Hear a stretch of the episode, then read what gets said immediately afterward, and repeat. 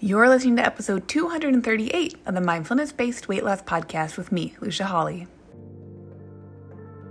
Welcome to the Mindfulness Based Weight Loss Podcast, the show for women like you who have tried restrictive diet after diet and are ready for simple, thoughtful solutions to help you sustainably lose weight for the last time from a place of abundance and peace. If you're looking to end the yo yo of comfort eating and rigid weight loss protocols and instead step into living your life mindfully on your terms while losing weight in the process, you're in the right place. Hey, hey, hey, party people, welcome to the show. If you are listening to this on day of release, then we are coming really close to Christmas, if that is a holiday you celebrate. Regardless, happy holiday season. There are lots of different ways that we are celebrating. I really think for so many of us, it's just a way to it's just a way to navigate through literally darker season of the year and bring some intention to gathering and with other people in whatever ways are accessible and safe and honoring that we're all human and we can appreciate one another whether we do that with gifts or time spent together or thoughtful notions or ideas or words or expressions. Hey i think it all fits and it all plays a role. On today's episode here's what i wanted to talk about the idea of burning yourself out, trying to self development yourself out the wazoo. and listen, this this episode may not resonate for everyone. I really don't think every episode resonates for every single person every single time. If it did, like, whoa. that would be impressive. But I do think a lot of people who come to work with me and come to listen to the podcast or enjoy the content that I put out onto social media are already well versed with the ideas uh, uh, around psychology and self development, bettering yourself, um, self help. Like I don't I don't end up working with people who are super duper new to the idea of like, oh, if I want things to change, I could potentially change them. Like a lot of people already have been doing that stuff.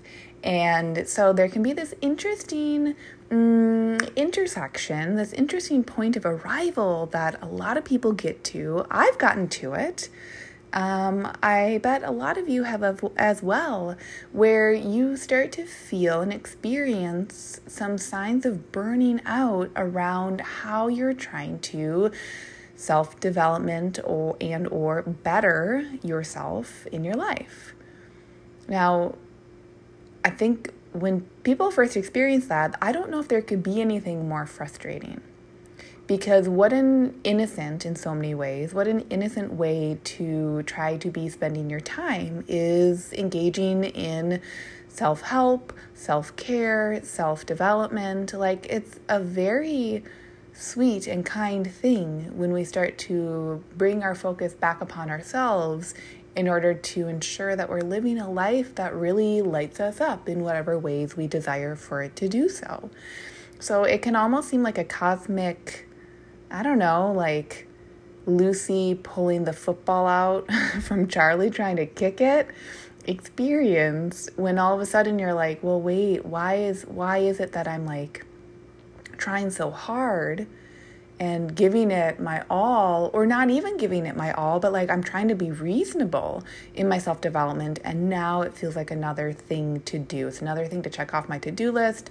I'm stressed out. It's not adding uh, lightness and ease to my days. In fact, it's adding more work and more struggle. And I don't like that. I don't want that. That's not what I was sold when I was starting to play around with self development. Or, when I first started self development, it was so intoxicatingly fun and exciting and thrilling to recognize that how I think affects how I feel.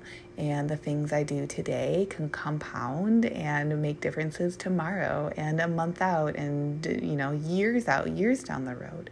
So, this is not going to be another here's how to fix your self development burnout, but instead it's an invitation and I think an opening because we all are different and we all have different histories and reasons why you might be experiencing feeling overloaded, overwhelmed, a lot of things that might be outside of our control, and also a lot of things that are within our control. There's a balance there. So, here's what I want to say on if you're feeling burnt out around your self development. Um, you, you know, mm, it might not feel like the most exciting, most fun thing to hear from me, but mm, I'm going to get vulnerable and I'm going to say what I'm going to say, which is this. I really find that when we start to feel burnt out around our own self development, it boils down to one primary factor. And that factor is that we begin to take our thinking too seriously. We begin to take our self development practice or trajectory or goals and expectations too seriously. We begin to look at our past with a really serious lens. And we also look at our future with a lot of seriousness. Now, I would encourage you not to then go right on your self development, burnout, fix it up to do list. Don't go writing, okay, lighten up, and add that as one more to do on your to do list, unless that truly feels really liberating for you. But the remedy to taking self development, burnout, like all this stuff that we've been talking about for the last five minutes, the key to taking those thoughts less seriously is to do exactly what we're doing right here. It might not literally turn out to be one more tangible thing to do beyond the awareness and insight of, oh, I've been taking it a little too seriously. I really do think in our very goal oriented culture, um, which I would say is probably coming from diet culture. I don't know. Again, I know I say this so often, but like that's probably, you know, information for a different episode. Like I could have a whole episode on what is the difference between goal setting and like diet culture, right? There's a lot to talk about even within that. But that's not our theme for today. But when we're allowing ourselves to just have the insight without having to without even having to make a goal out of the insight of oh i've been taking this stuff a little too seriously. All i want you to notice there is invite yourself to get curious was there a shift in energy? There doesn't have to be but there might be. Is there a difference when I recognize that maybe I've been taking my self development a little bit too seriously? Maybe I've turned it into a project, I've turned it into that other to do, I've turned it into good, bad, all or nothing, doing it right, doing it wrong, doing it this way versus doing it that way, which, haha, that is, if we want to tie it back into diet culture, that is the diet culture, isn't it? The diet culture is what places shoulds on us. And so, if we desire for that liberation from it, it's always going to be, I almost want to think of it as like it's play. We can be playful with our self development. And when we're playful with it, we're not really getting it wrong because it's not something to be gotten wrong. You know, it's so much more, what, is it more esoteric than that? We're going to expand our minds, man.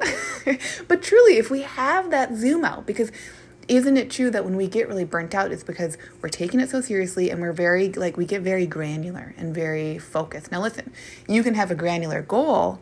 You can have a granular goal without taking it super seriously. You see this a lot. You see people who accomplish amazing things because they've shown up to very granular actions day by day, but they they're not doing it they're doing it from an energy of I get to versus I have to. And that is a very subtle difference.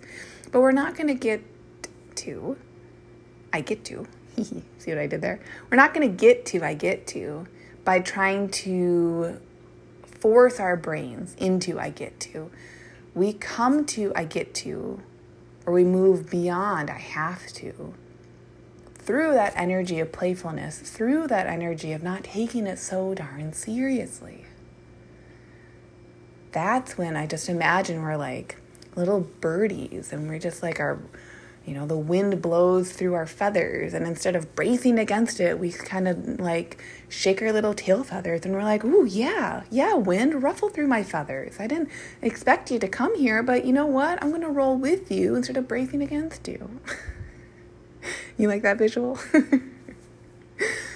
so, if you're feeling burnt out with your self development, which my goodness, if there would ever be a time of the year for us to get overwhelmed about thinking about our thoughts, to get overwhelmed about reflecting on all of last year. It's so natural. It's so natural.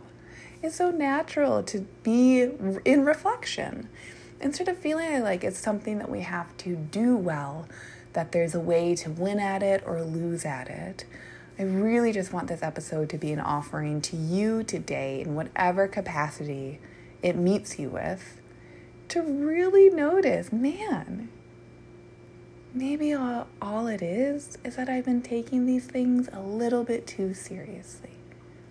Would I simply like to offer myself that insight without then having to go fix or change or whatever? Can I allow myself to have whatever happens from there feel really natural? Because when we take our thoughts less seriously, when we give ourselves that insight, that's when our brains can then move towards goodness again, right? Because it's so easy for them to nitpick and get like get into that kind of like yucky energy, which is normal in human. But then we start to add yucky energy on top of yucky energy. Or all I mean by yucky energy is just like we we nitpick things and then we feel like, "Oh god, I'm nitpicking that thing. I should nitpick why I'm nitpicking." That's all I mean that's really, really human. We do that all the time. Instead of seeing that as something bad or to be fixed, which is layering more nitpicking on top of more nitpicking, when we get to offer ourselves, oh, hey, I'm taking my thoughts too seriously, that's when we're moving towards the goodness. And when we move towards the goodness, it's so much easier. It's so much more lighthearted to drop into our own inner wisdom. And our own inner wisdom is what is going to point us towards the next best thing. So that's what I have for you. Happy holidays, and I will see you on next week's episode. Bye. Hey, if you love today's show, I'd love for you to take a minute and give a rating with a review. If you too are ready for more women to make life choices from loving mindfulness, that means we need more women listening to this message so they know it's available to them and they can do it too.